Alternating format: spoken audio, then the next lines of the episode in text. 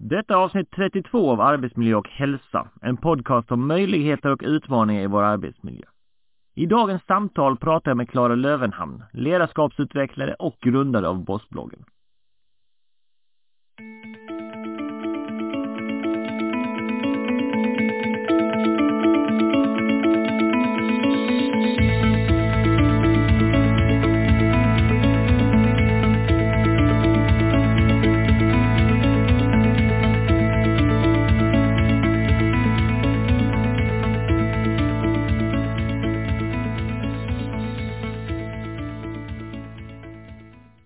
Hej alla lyssnare! Andreas här och välkommen till Arbetsmiljö och hälsa. Om det här är första gången ni lyssnar, så tack för att du testar något nytt och väljer mig. Den här podcasten publicerar avsnitt varje onsdag och show notes finns på arbetsmiljöhälsa.nu. Lägg gärna till podcasten till dina favoriter. Vi finns bland annat på iTunes och på Spotify. Du kan också följa mig på Facebook, bara sök efter arbetsmiljöhälsa.nu. Dagens gäst är alltså Klara Lövenhamn, en vass ledarskapsutvecklare som sprider sin kunskap genom Bossbloggen medan hon stärker företag och deras ledarskap. Vi pratade om utmattning, de gömda signalerna på arbetsplatsen och vad som utgör en bra ledare. Då sitter vi här idag med Klara från Bossbloggen och vi ska prata bland annat om ledarskap och arbetsmiljö. Välkommen Klara! Tack så jättemycket! Så vem är du och vad har du för bakgrund? Ja, det, är en bra fråga. Eh, jag som person, jag skulle beskriva mig själv som rätt så liten, väldigt social och gillar att lösa problem. Jag gillar att få saker att hända och jag älskar att lära mig nya grejer. Jag bor i Lund med min fästman och våra två små katter. Och sedan så är jag lite av en nörd. Jag älskar tv-spel, jag älskar brädspel och framförallt så älskar jag att få jobba med ledarskap, för det är ju ett av mina största nördområden.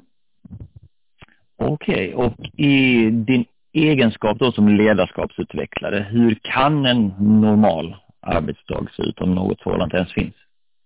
Ja, alltså jo men det gör det väl, att det finns normala dagar, men det, det mestadels två olika typer av dagar. Antingen så är jag ja, ute och föreläser och utbildar, är jättesocial, träffar ledare eh, i deras vardag och stöttar och rådger dem i men, olika situationer som man kan hamna i. Alternativt så, så sitter jag hemma eller på kontoret och skriver på eh, artiklar, gör intervjuer, eh, om ledarskap i olika former till Bossbloggen som är min ledarskapsblogg. Så det kan verkligen vara ja, men högt som lågt. Liksom. Eller så gör jag sådana här saker som är det idag. Ja, Pratar precis. om ledarskap i media, press, podd, vad formatet nu än må vara. Ja. Och, och dina erfarenheter då som har lett fram till det du jobbar med idag. Kan du berätta mm. lite grann om det? Var kommer du ifrån? Självklart. Eh, jag, kom, jag är född och uppvuxen i Stockholm faktiskt. Men jag flyttade hemifrån och ner till Skåne när jag var 16 och började gymnasiet här nere. Sen blev jag kvar eh, och men, halkade in på ett bananskal in i transportbranschen.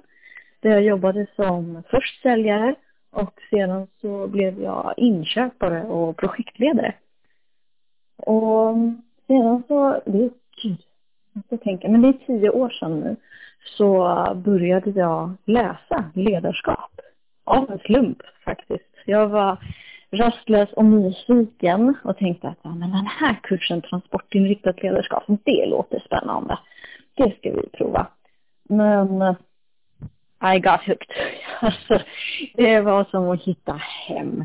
Jag tyckte det var så roligt och intressant och stimulerande att få ta del av all forskning och vetenskapens, ja men, allting som man faktiskt vet om ledarskap och organisationsutveckling. Och det gav mig verktygen att kunna se hur, hur, hur min vardag, hur mina vänners vardag, alltså hur organisationer påverkar oss och framförallt vilken effekt som ledare har på organisationer. Den är väldigt, väldigt betydande och eh, den här kursen ledde till ett, ett gäng år på universitetet för att läsa ännu mer om de här frågorna. Sedan har jag också läst journalistik, vilket The Two Combined ledde till att jag startade Vossbloggen för två och ett halvt år sedan snart. Och nu driver jag sedan ett och ett halvt år tillbaka mitt företag på heltid. Där jag föreläser och utbildar om ledarskap, har personlig rådgivning och driver bloggen då förstås. Mm. Så det är en häftig resa. Det är jättespännande att få ja, uppleva. Ja, det tycker jag. Det är också en väldigt inspirerande resa hur du på ganska kort tid har kommit så pass långt. Mm. Ja, det är coolt. Det trodde jag inte när jag började. Jag hoppades, men man visste inte. Nej, precis. Och med dina ögon sett, vad kännetecknar en bra arbetsmiljö för dig? Det är en arbetsplats, en, en miljö där både lönsamhet och välmående får rum. För det ena måste inte utesluta det andra. För vi kan må bra och ändå leverera bra ekonomiska resultat. Vi levererar, levererar till och med bättre ekonomiska resultat om vi faktiskt också mår bra på jobbet. Vi ska känna oss trygga. Vi måste känna oss lyssnade på. Vi måste få känna att vi får vara med, delaktiga, kan påverka, vi har mandat, vi har ansvar och så vidare. Det, det tycker jag kännetecknar en god arbetsmiljö när man inte bara tar hänsyn till de här fysiska, rent liksom säkerhetsmässiga faktorerna. För de måste man givetvis också jobba mycket med och ha stenkoll på. Men också de psykiska. Ha ett medmänskligt sätt att arbeta på. Det tycker jag är jätte- jätteviktigt. Att man går förbi kuggen i hjulet och ser människan som gör arbetet. Precis. Medmänskligt. Ja, just att man eh, ser till att människor vet sin, sin purpose på arbetsplatsen, att man känner sig inkluderad. Ja, alltså jag menar alla behöver kanske inte ha den här the grand vision liksom med att man ska rädda världen på sin arbetsplats varje dag. För jag tror det kan vara svårt att känna den varje dag också. Men man ska i alla fall allra minst känna att man gör någonting som betyder något. Förstår du vad jag menar? Ja, men precis. Man vill ändå ha, ha en, en funktion, helt enkelt. Ja, precis. Alltså även om man går till jobbet bara ja, för att jobba, tjäna pengar, kunna leva det liv man vill leva. Eh, det, så ska det ju ändå finnas liksom någon form av eh, grundtrygghet Precis. för alla. Och respekt Ja. och vänlighet. Omtanke. Mm. Och om man då ser på ledarens funktion i det här med en bra arbetsmiljö, en bra arbetsplats. Vilka kvaliteter behövs för att en bra ledare ska få en, en bra impact på arbetsmiljön och bidra till detta? Bra fråga. Ehm, det blir nästan två olika frågor.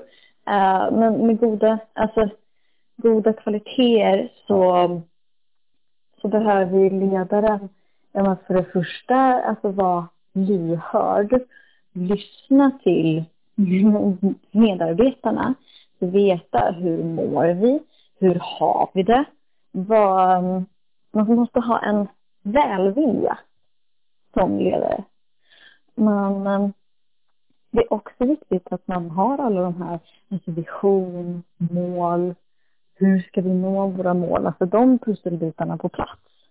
Så att man är den här människan som har förmåga att förverkliga visionen även för sina medarbetare helt enkelt. Ja, dels det. Eh, man behöver, men sen behöver man ju också alltså, i, låta medarbetarna vara de som liksom, hjälper till att uppnå det här målet. Det är ingenting som man som ledare kan göra själv. Och det är inget heller som medarbetarna eh, kanske ska göra själva, utan det är, någon, det är en process man gör tillsammans. Det handlar lite grann om att ta ner arbetsmiljön från de fina orden på väggarna och faktiskt aktivt jobba med den. Det gör det definitivt. Alltså värderingar är ju ett jätte, jätteviktigt verktyg. Alltså vilka värderingar vill vi ha i organisationen? Vill, vad vill vi leva efter? Ska det till exempel vara nolltolerans mot trakasserier eller diskriminering? Eller ska vi tycka att det är helt okej? Alltså det är ju, jag tror inte jag, eh, att det finns någon som tycker att det är okej med till exempel trakasserier eller kränkningar på en arbetsplats. Utan alla säger att nej, det är ingenting som är okej. Ändå är det ju någonting som förekommer i vårt affärsliv.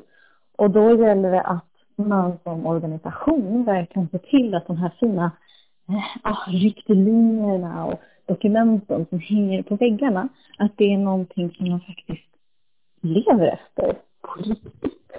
Det är super, super, superviktigt. Inte minst då i arbetsmiljöfrågor. Jag menar, ska man följa arbetsmiljölagen och ha en god psykisk hälsa till exempel på sin arbetsplats, men då kan man inte ha en förväntning om att alla medarbetare ska jobba 120 procent varje dag för att klara av det dagliga arbetet.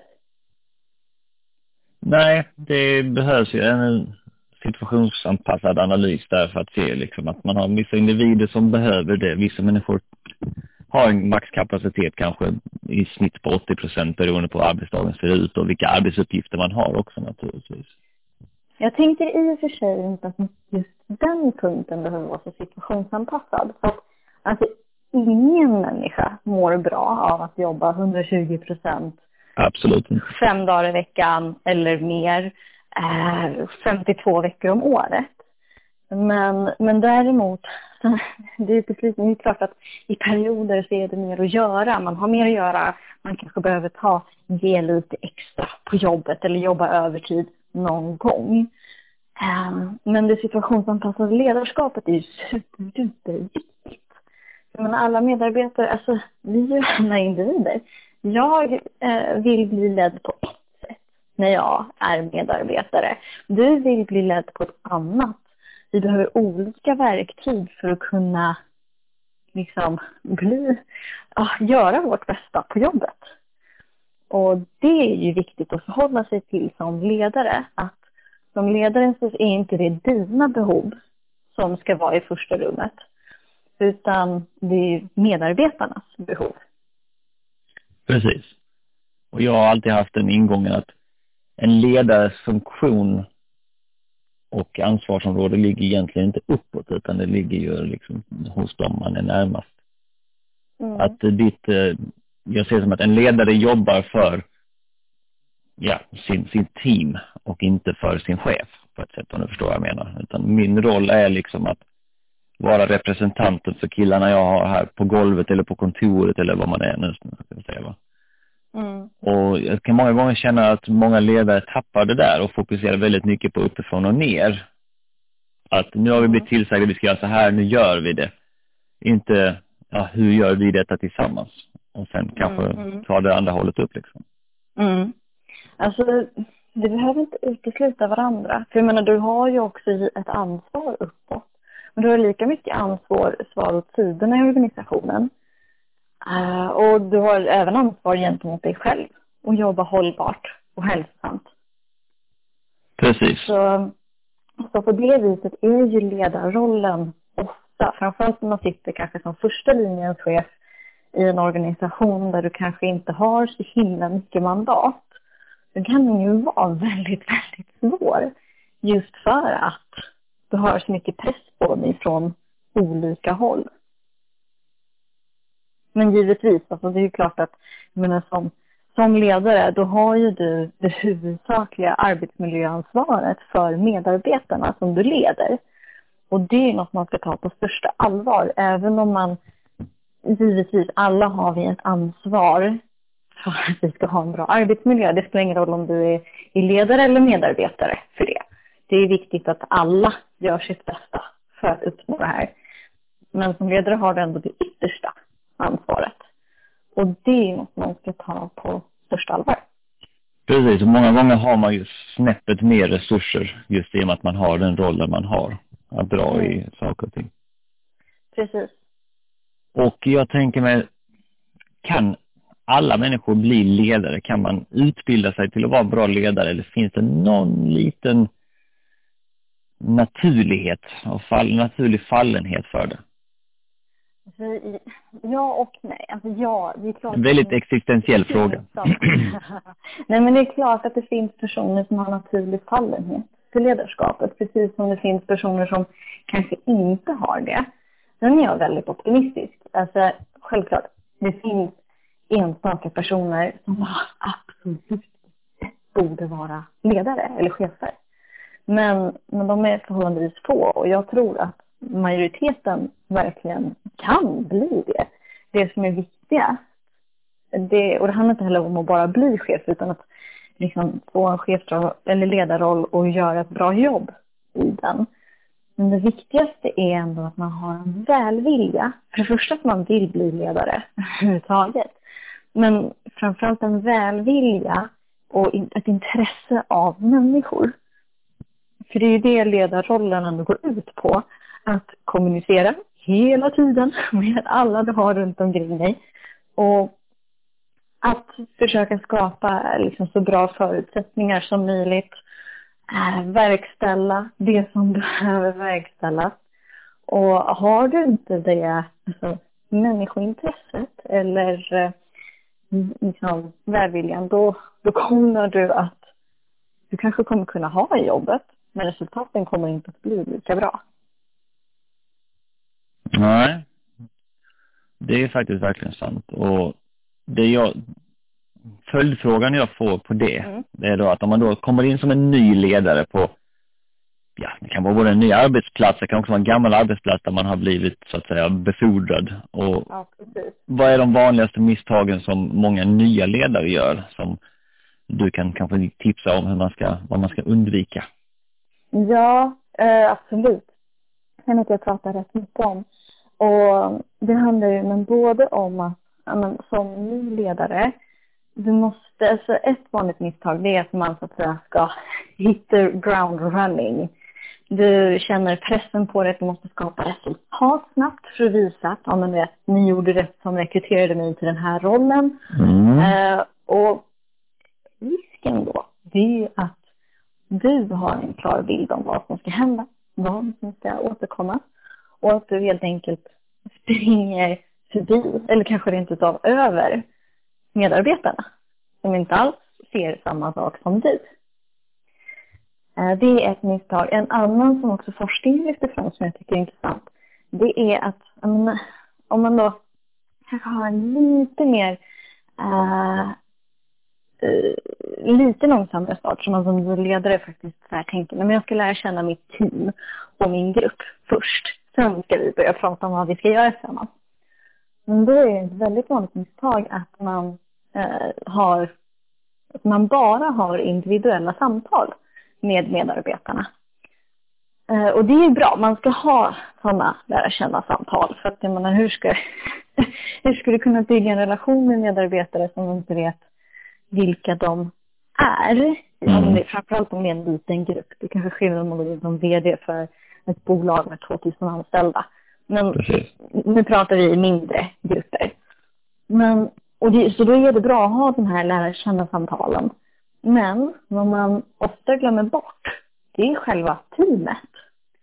Och gruppsamtalet. Så vad ska teamet tillsammans göra? Och hur ska vi liksom gå framåt som team? Um, så det är någonting som är bra att tänka på. Mm, precis. Och också då den som är ansvarig för den här nya chefen. Alltså chefen ett snäpp ovanför. Chefens chef. precis, att man får liksom stöd, att man får rätt förutsättningar, att man har Alltså, sen om det, det varierar beroende på ens behov, men en intern eller extern mentor som man kan få bolla med, att man kan få ledarskapsutbildning så tidigt det bara är möjligt.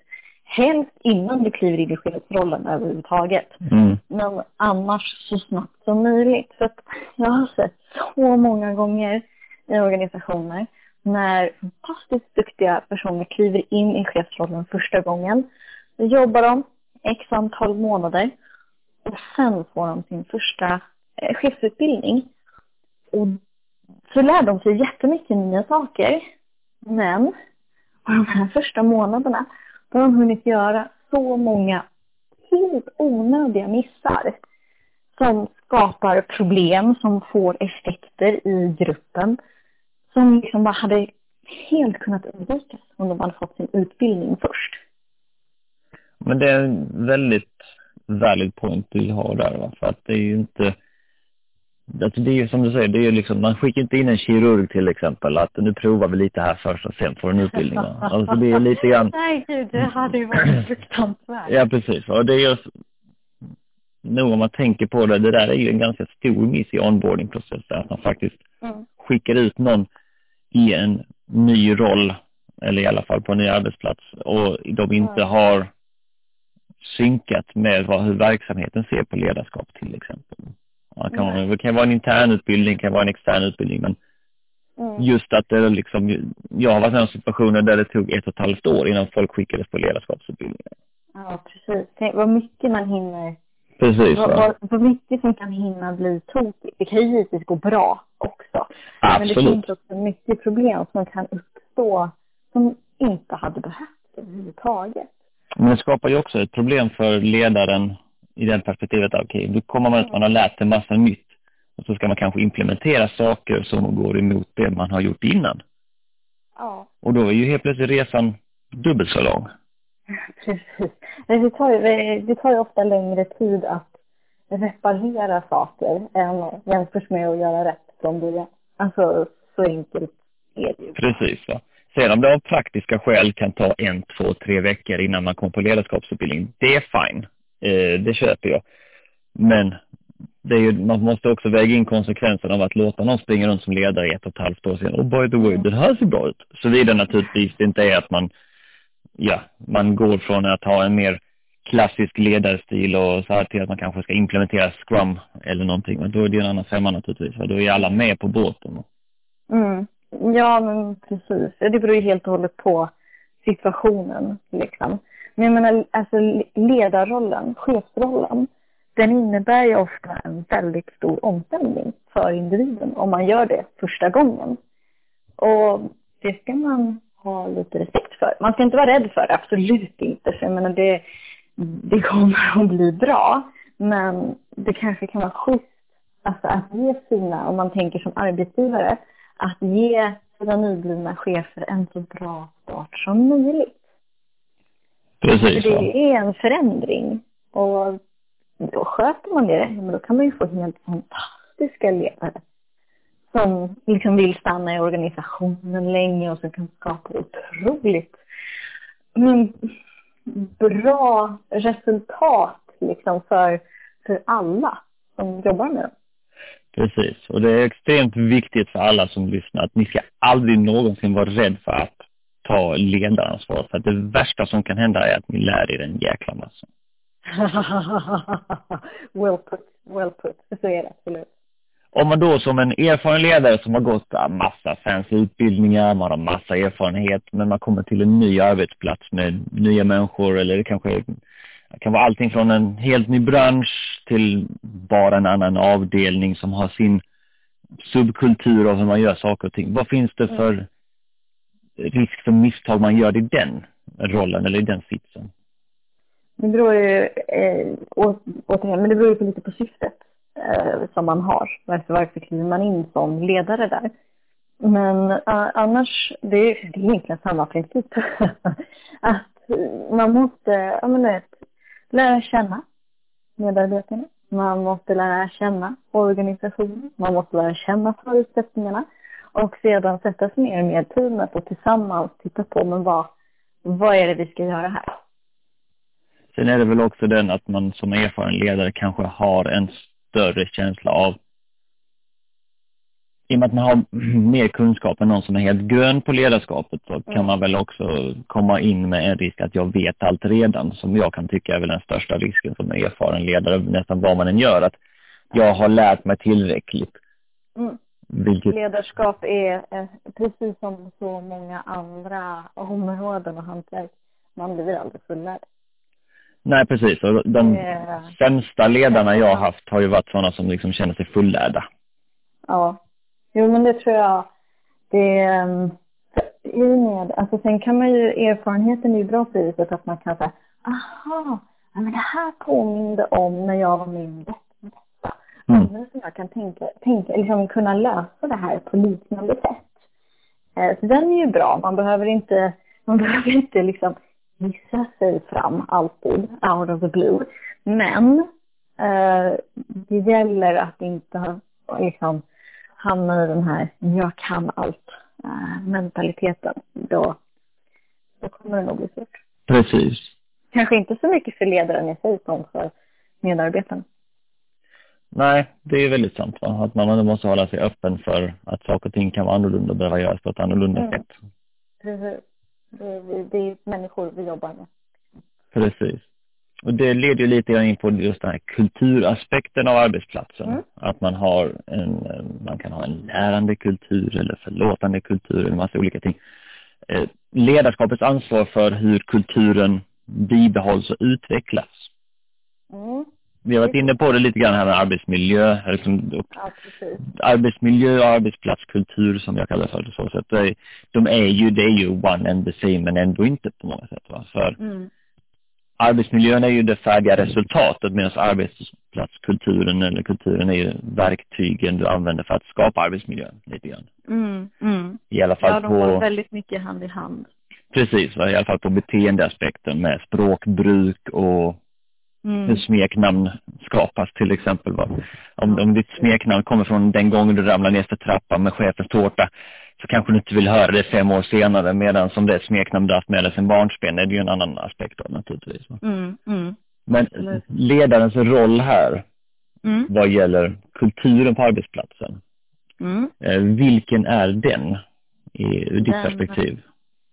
Den är stor ur den aspekten att som ledare har du mer makt, du har mer ansvar och mer auktoritet. Sen är det precis samma som arbetsmiljön, att alla, alla som jobbar, ledning, eh, ledare, medarbetare, alla är ansvariga för kulturen. Alla skapar vi den tillsammans varje dag. Beroende på exempel som du var inne på med hur vi pratar med varandra, vad vi berättar för typ av stories för och om varandra i lunchrummet eh, och, och så vidare. Så, men som ledare är du en förebild på många sätt och ditt beteende kommer att få effekter i organisationen. Men om tänker skillnaden, ledaren som så här verkligen klampar in genom kontoret på morgonen, blicken i marken, hälsar inte på någon, liksom bara går raka vägen in på sitt kontor, drar igen dörren och sen sitter där hela dagen. Hur öppen och trevlig blir den kulturen? Den blir ju inte så förlåtande direkt. Mm, inte jätte, inte jättecharmig. Men alltså att, eh, och det är ju sånt som sprids. Liksom. Och som ledare, jag menar, det, det handlar inte om att du måste vara glad varje dag. Eh, eh, även om vi alla givetvis behöver ha kanske någon form, någon form av grundnivå över att man ska vara artig, trevlig, visa respekt för varandra. Så innebär det inte att man måste komma in och fågelkvitter varje morgon. Eh, men att vara medveten om ens, hur ens beteende påverkar andra. Det är jätte, jätteviktigt. Sedan tänker jag också att kultur handlar ju mycket om att faktiskt men någonstans här, sätta sig ner och rita upp spelregler tillsammans. Men hur vill vi ha det på jobbet? Hur vill vi prata med varandra? Vad, vad ska vi göra? Vad ska vi inte göra? Hur pratar vi med kunder? Hur pratar vi om våra kunder när de inte hör? Och så vidare. Att lyfta de diskussionerna tillsammans. Och liksom sätta, men det här är våra spelregler som vi jobbar efter. Så här är det här. Så här gör vi här. Och sen har ju också ledaren ett ansvar då, så liksom, det är återigen allas ansvar, men mest ledaren, att se till att det efterlevs. Om man hör någon, alltså om du som ledare hör någon liksom bli utsatt för sexuella trakasserier eller någonting annat, ja men då är det ju verkligen din skyldighet att liksom, man säga ifrån markera och följa upp på vilket sätt det nu är lämpligt. Och så vidare. Precis, va? så jag tänker mycket på just det här med ledarens ansvar utifrån man tänker på till exempel Japan. Mm. Där man då har den här arbetsrelaterade problematiken med att självmord är liksom eh, i perioder varit en trend. Ja. Och det har varit så pass illa så att det faktiskt har fått ett eget ord, vilket är karoshi, som betyder, mm. som är kombinerat av karo, för mycket arbete, och shi som betyder död. Ja, visst är det fruktansvärt. Det är helt horribelt och ja, det där drivs ju mycket av naturligtvis en stress. Att man har anställda som kommer in från landsbygden som jag såg ett reportage om det där, att de basically sover i sofforna i sådana här mangabutiker. Liksom, mm. med, och sen så går de till jobbet och så gör de så här, så åker de hem över helgen. Samtidigt som du då har en chef som kanske inte är så förlåtande rent klassiskt sett. Och mm. han kommer in jättetidigt och du ska helst vara inne innan chefen och han går hem jättesent och du ska helst gå hem efter chefen. Ja. För du ska hela tiden synas att du är där liksom. Mm. det är bara, det tycker jag är, det är anskrämligt på alla sätt och vis. Och men, bristen på hållbarhet. Det tänker jag även alltså, i våra svenska arbetsmarknad. Liksom, att vi, vi ska ju hålla hela, hela karriären. Inte bara ett tag, för det kan vi även se här med den lavinartade ökningen av sjukskrivningar av, av människor som blir sjuka av, i psykisk ohälsa eller stressrelaterade problematik. Det har varit en ökning på 129 procent mm. i den kategorin som Försäkringskassan har gått ut med. Alltså det är inte okej. Okay. Vad pysslar vi med? Precis. Vad, jag blir väldigt, väldigt, väldigt frustrerad eh, när, man, när man ser att arbete, alltså när folk mår så dåligt och till slut då väljer att, må, eller att, att, välja, att välja att ha sitt liv för att man mår så dåligt av sättet vi arbetar på. Hur kan vi liksom låta det fortgå? Ja, det tycker jag är rätt förvånansvärt att ändå ett land som, även om det ligger i öst, ändå är ganska västaktigt i många aspekter. Men även så, här? Ja, ja, men absolut här också. Varför att... Nu har ju inte den den uttalade eh, liksom, effekten av stressproblematiken. Men alla sjukskrivningar och så, liksom. jag menar, det är inte, det är inte okej. Sen är det klart att man, alltså alla, all stress, alltså alla diagnoser i samband med stressproblematik liksom, inte handlar om kanske jobbet per se alena. Men det, det, är också där det här medmänskliga arbetslivet kommer in. Liksom, att det måste få vara okej att inte vara på topp varje dag på jobbet. Det måste få vara okej att sätta schyssta, rimliga deadlines så att man hinner med jobbet på ett sätt som faktiskt är vettigt. Alternativt ta in fler så att man kan göra det på den tiden som är utsatt. Precis. Va? Och eh, det jag tänker på är också det som du har varit inne på här, liksom att den här stressen går ju också neråt. Mm. I, alltså vi har ju nu liksom ungdomar mellan 18 och 29 som, som uh, jag inte missminner mig, också kommit in, kommit in i liksom en stresssituation just med osäkra anställningar och hur man som ung många gånger liksom inte har en erfarenhet som gör att man inser att man faktiskt har vissa rättigheter och annat till exempel. Va? Mm, mm. Och därav liksom har man då en situation där man helt plötsligt får långa sjukfall eh, just utifrån ett stressperspektiv redan i ung ålder så att säga. Mm, mm. Jag, kommer, jag, jag gick in i väggen när jag var 27 år gammal och då vet jag, alltså, mm, jag känner väl par, par i, alltså att säga, tio, en, två generationer över mig som, som de gick in i väggen kanske om, när de var i 45-50 års åldern. Um, och sedan så blev jag själv, och då sa, fanns, fanns personer som sa till mig att men du akta dig, du kommer gå in i väggen innan du fyller 30. Och det var liksom, åh oh, gud vad, vad hemskt och shit, alltså så ung och vara med om det här. Och, och tyvärr gjorde jag ju det då också. Men, och hur det idag är så ungdomar på gymnasiet mm. som går in i väggen. Alltså, det är ju skrämmande. Och hur fort den utvecklingen också har gått. Det har ju gått väldigt fort va? Det är naturligtvis en blandning av teknik och avtrubbningen för hur saker och ting faktiskt fungerar. Vi har lite grann släppt det, vi har lite grann släppt den naturliga kopplingen till saker och ting, utan vi, alltså tekniken driver på ett tänk att vara alltså, uppkopplad hela tiden, man ska vara på gång hela tiden. Vi har liksom framgång är liksom den, en av de tyngsta valutorna i sociala medier, liksom att folk som mår skitdåligt hela tiden postar liksom, ah, ny semester och ny bil och så här och sen så mår många människor liksom horribelt. Men mm. allt, allting är liksom täckt över en, en mascara av, av happiness. Mm, mm. Och det... Jo, men det, de trenderna ser jag absolut också.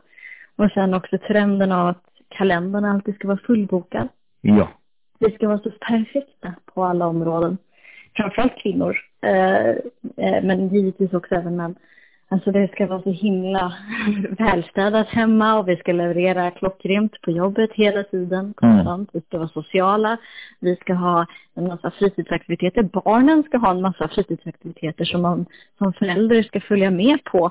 Man, och så vidare, och så vidare. Precis. Och, och det är ju... Det är absolut de trender som ändå kommer nu också med att ifrågasätta det här.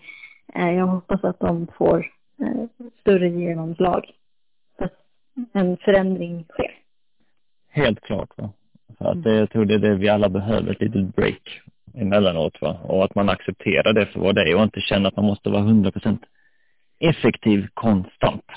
Att man Nej. faktiskt vågar ta egen tid för att, alltså, det är faktiskt inte egoistiskt att ta egen Nej. tid för att det är bara omtanke för din omgivning.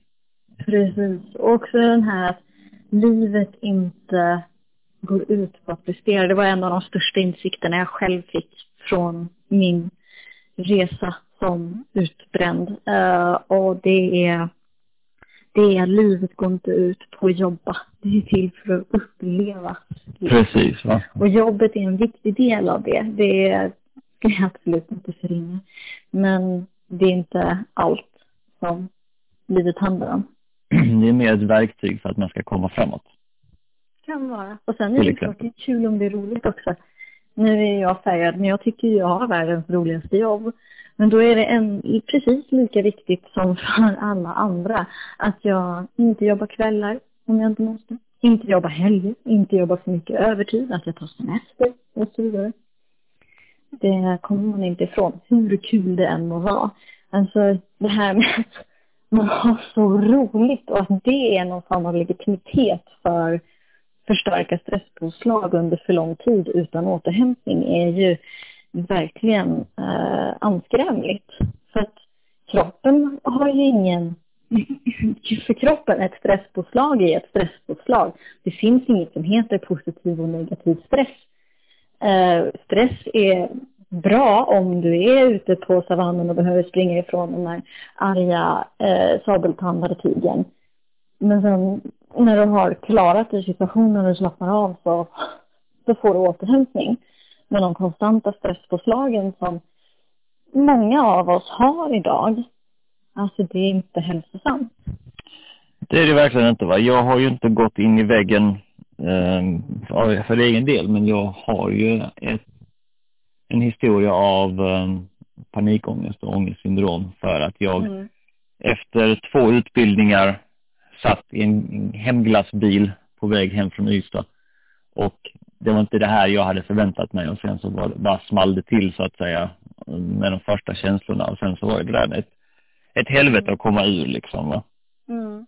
Där det var någonstans omvärldens stress av dens förväntningar på mig utifrån mm. vad jag hade lärt mig att var man skulle vara vid den här åldern. Då var jag 25-26 tror jag. Mm. Um, och där var jag inte i närheten av. Och Nej. det, det här som jag själv har kommit fram till rätt mycket, att det var självbilden av mig krockade ganska mycket med verkligheten av mig i den stunden.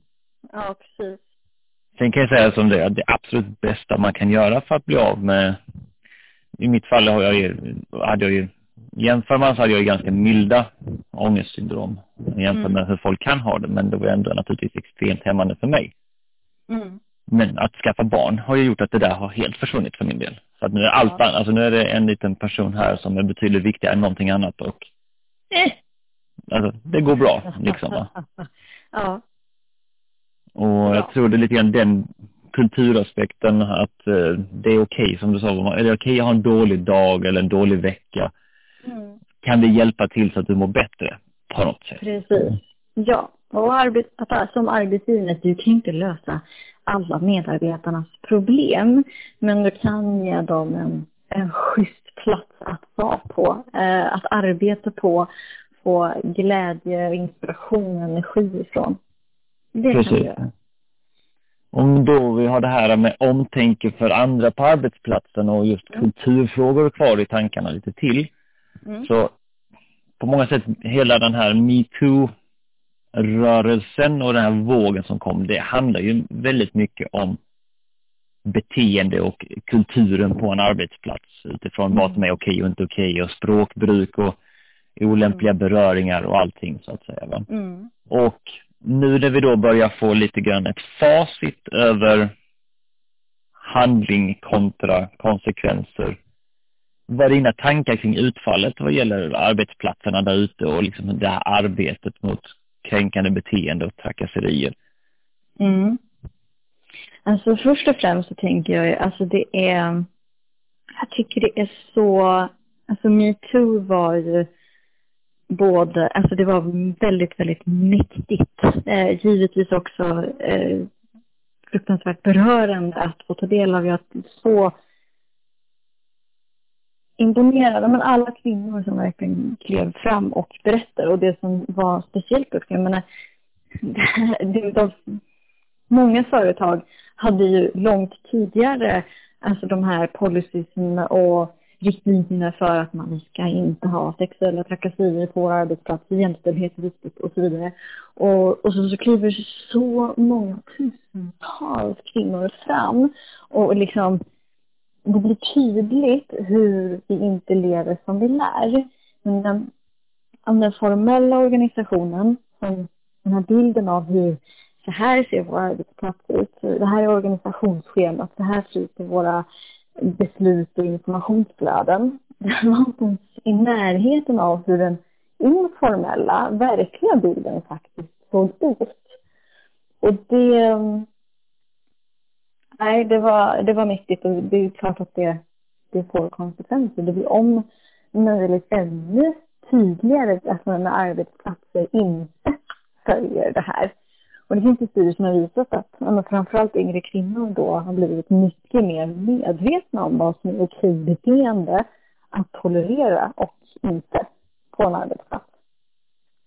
Precis, va? och det är just att man vågar säga ifrån, man tar ingen skit och, och att man verkligen också på ett sätt har insett att man nu kanske, alltså ansvaret för arbetsplatsen ligger någonstans uppåt, att man har en, en förmåga ja. att påverka sin egen arbetsplats genom att tala ut om det behövs, om inte någon annan ser det av massa olika korkade skäl liksom. Ja, men precis. Och någonstans, alltså också att, menar, man inte eh, liksom kommer undan socialt med att, ja, ja, så funkar det. Det är mm. du ung kvinna så, ja, ja, det är brukligt. Mm. Eh, att bli tafsad på, på julfesten etc. För det är inte okej. Nej, det, vi har inte tillåtit i några andra sammanhang liksom att eh, en förälder tafsar på en annan förälder på fotbollen. Men på ar- samma människor på arbetsplatsen, då säger vi ingenting. Mm. Det, um, det är definitivt något som, det, det är så viktigt att det har lyfts ut i strålkastarljuset Uh, och det som också var intressant med metoo, det var ju också hur det visades att det här är ingenting som är branschspecifikt. Liksom. Det är inte bara filmindustrin som man som kvinna får stå ut med lite oanständiga förslag och så vidare. Utan att det här är något som faktiskt förekommer överallt. I ja, nästan alla branscher, alla möjliga olika liksom, organisatoriska nivåer. Um, ja. Nej, jag tycker att det var ganska stort eh, på väldigt många sätt. Det var också mm. bra att man som, som man i det hela fick se liksom att mekanismer och strukturen bakom hur det ligger till för att det är naturligtvis en jäkla skillnad på att fysiskt tafsa på någon eller alternativt, mm. alternativt omedvetet sabotera för någon genom språkbruk och eh, mm. strukturella förändringar inom företaget och, och när man befordrar människor naturligtvis. Va? Mm. Precis. Och jag menar, och vi också, jag, jag läste faktiskt senast i morse att eh, eh, kommunikationsbyråer i, i Göteborg och annan Västsverige har faktiskt efter alltså metoo och deras eh, upprop och hashtag som eh, skapades då, de har faktiskt eh, skapat en uppförandekod för branschen. Mm. Eh, jag har inte hunnit läsa den, så jag vet inte eh, dess innehåll. Men det tycker jag också är en väldigt bra det är så tragiskt att det ska behövas överhuvudtaget. Men det är en sjukt bra effekt som absolut borde lyftas mer. Och någonting som man då också ska jobba för, att det här är inte bara ett papper vi signar på som liksom för att det är bra PR eller för att det är en hygienfaktor, utan att vi faktiskt lever det. Precis. Mm. Och om man då ska påverka kulturen i ett sånt här fall, att man har liksom haft eh, unkna unkna tankar och idéer om hur det ska vara. Hur ska man då få med sig medarbetarna på det här? Att nu inser vi att vi har det här problemet. Nu måste vi göra någonting åt det. Hur, hur ska man då liksom hantera medarbetarna? Hur hanterar man den där ovilliga medarbetaren som kanske känner sig utpekad till exempel att vara en del av problemet. Nu behöver det inte vara just metoo, men att man pratar liksom om att nu ska vi göra det annorlunda och bättre. Mm. Hur får du med dig människorna som är mest besvärliga inför förändringen så att säga? Ja, precis. Det är, det är lite två olika frågor, eh, eller två olika situationer som du beskriver. Men om vi ska ta den rent alltså generella varianten, alltså vi har ett förändringsarbete som vi vill göra, hur, hur gör man då? Det vill mm. säga att jag ja, har den typen. Uh, för då tänkte jag, alltså det finns ju ofta, om vi generaliserar lite, när man ska genomföra förändringar så vi se tre olika grupperingar av beteenden. Det finns gruppen som säger ja, vad kul, vi testar något nytt, tjoho, vad spännande det här ska bli. Det ska bli superkul, superkul, jag är på liksom. Och sen har vi grupp nummer två som säger hmm, intressant. Ja, ja får vi se vad det här blir för något då. Ja, kanske det kan ju absolut bli bra, men ja, lite mer, lite mer avvaktande, mer neutral hållning.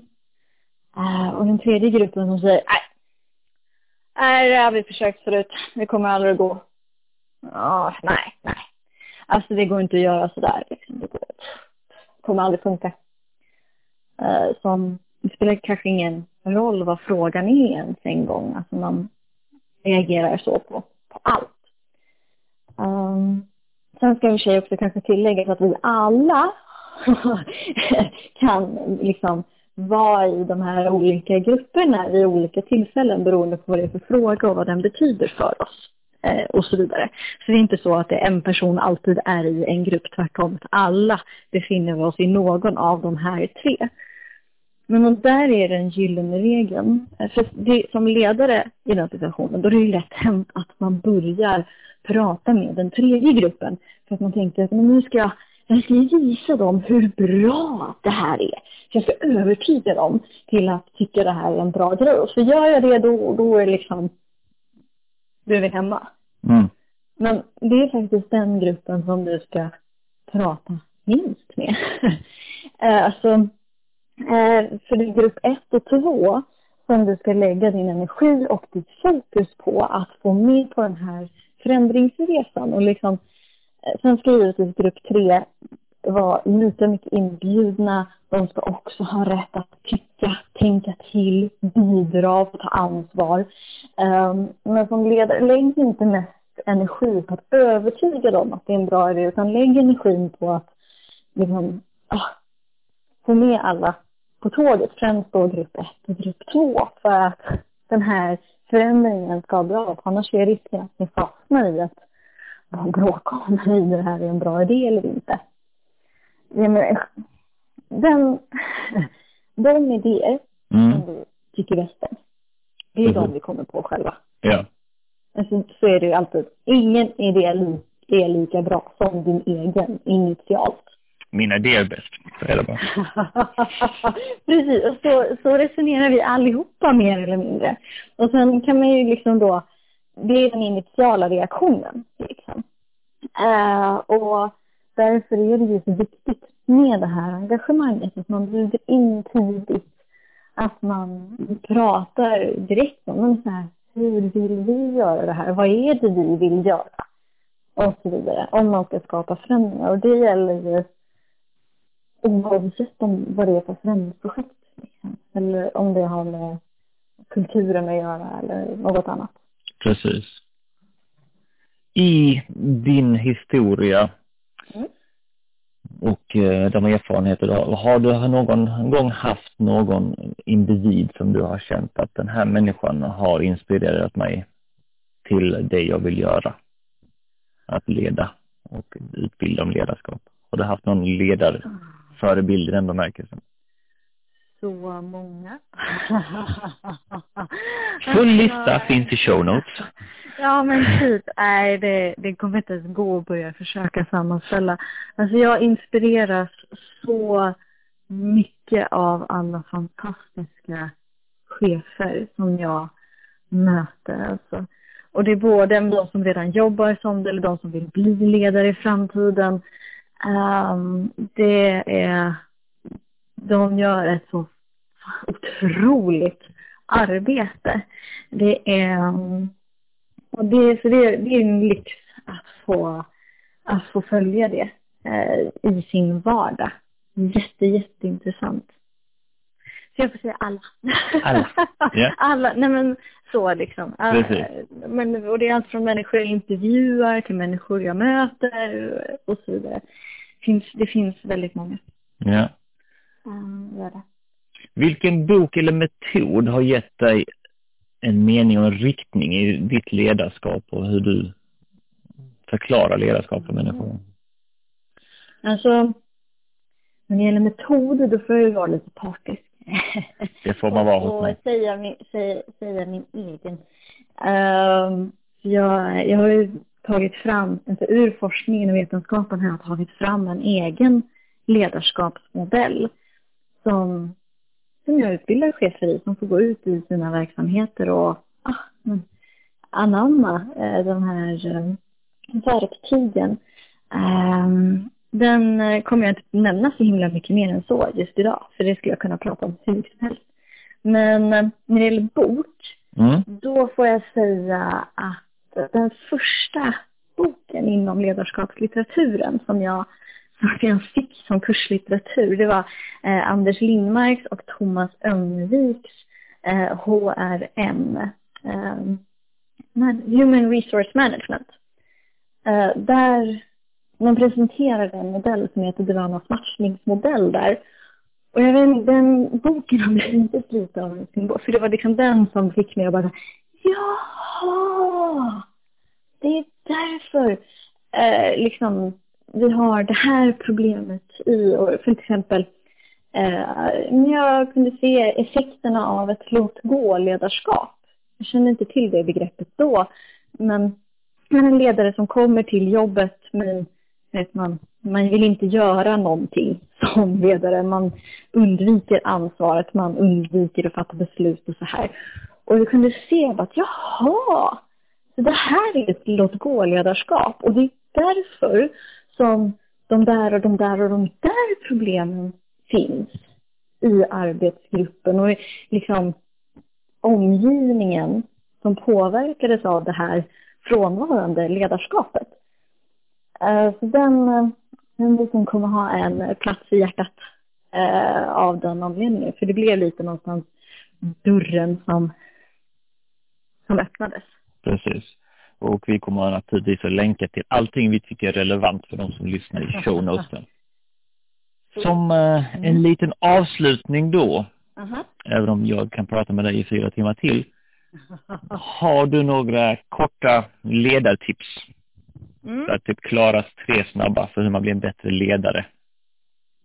Då skulle jag säga att du bör eh, reflektera. Reflektera över ditt ledarskap, reflektera över ditt beteende, eh, reflektera över hur du vill vara som ledare, hur du lever det. Eh, om du har en ambition till exempel om att du vill vara snäll som ledare, men då visar du det i vardagen till exempel. Sedan skulle jag också, punkt nummer två, om man gör en liten koppling till arbetsmiljöbiten, så ta, ta ditt ledaransvar. Inte minst över frågor som arbetsmiljö. Eh, det är jätte, jätteviktigt. Du har det av en anledning.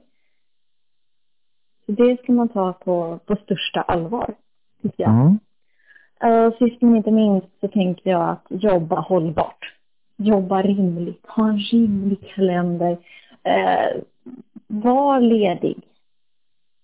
Se till att du får återhämtning i vardagen. Ta hand om dig. Ta hand om andra och ta hand om dig själv. Så att ni mår bra på jobbet. Låter väldigt bra, väldigt förnuftigt. Ibland glimtar det till, höll jag på att säga. Mm. Men, äh, ja, men jag tror att det är nog, det är nog, äh, ja, det är mina tre tips. Ja. Mm. Klara, jag tackar ohyggligt mycket för att du har tagit dig tid att få sprida kunskap och vishet.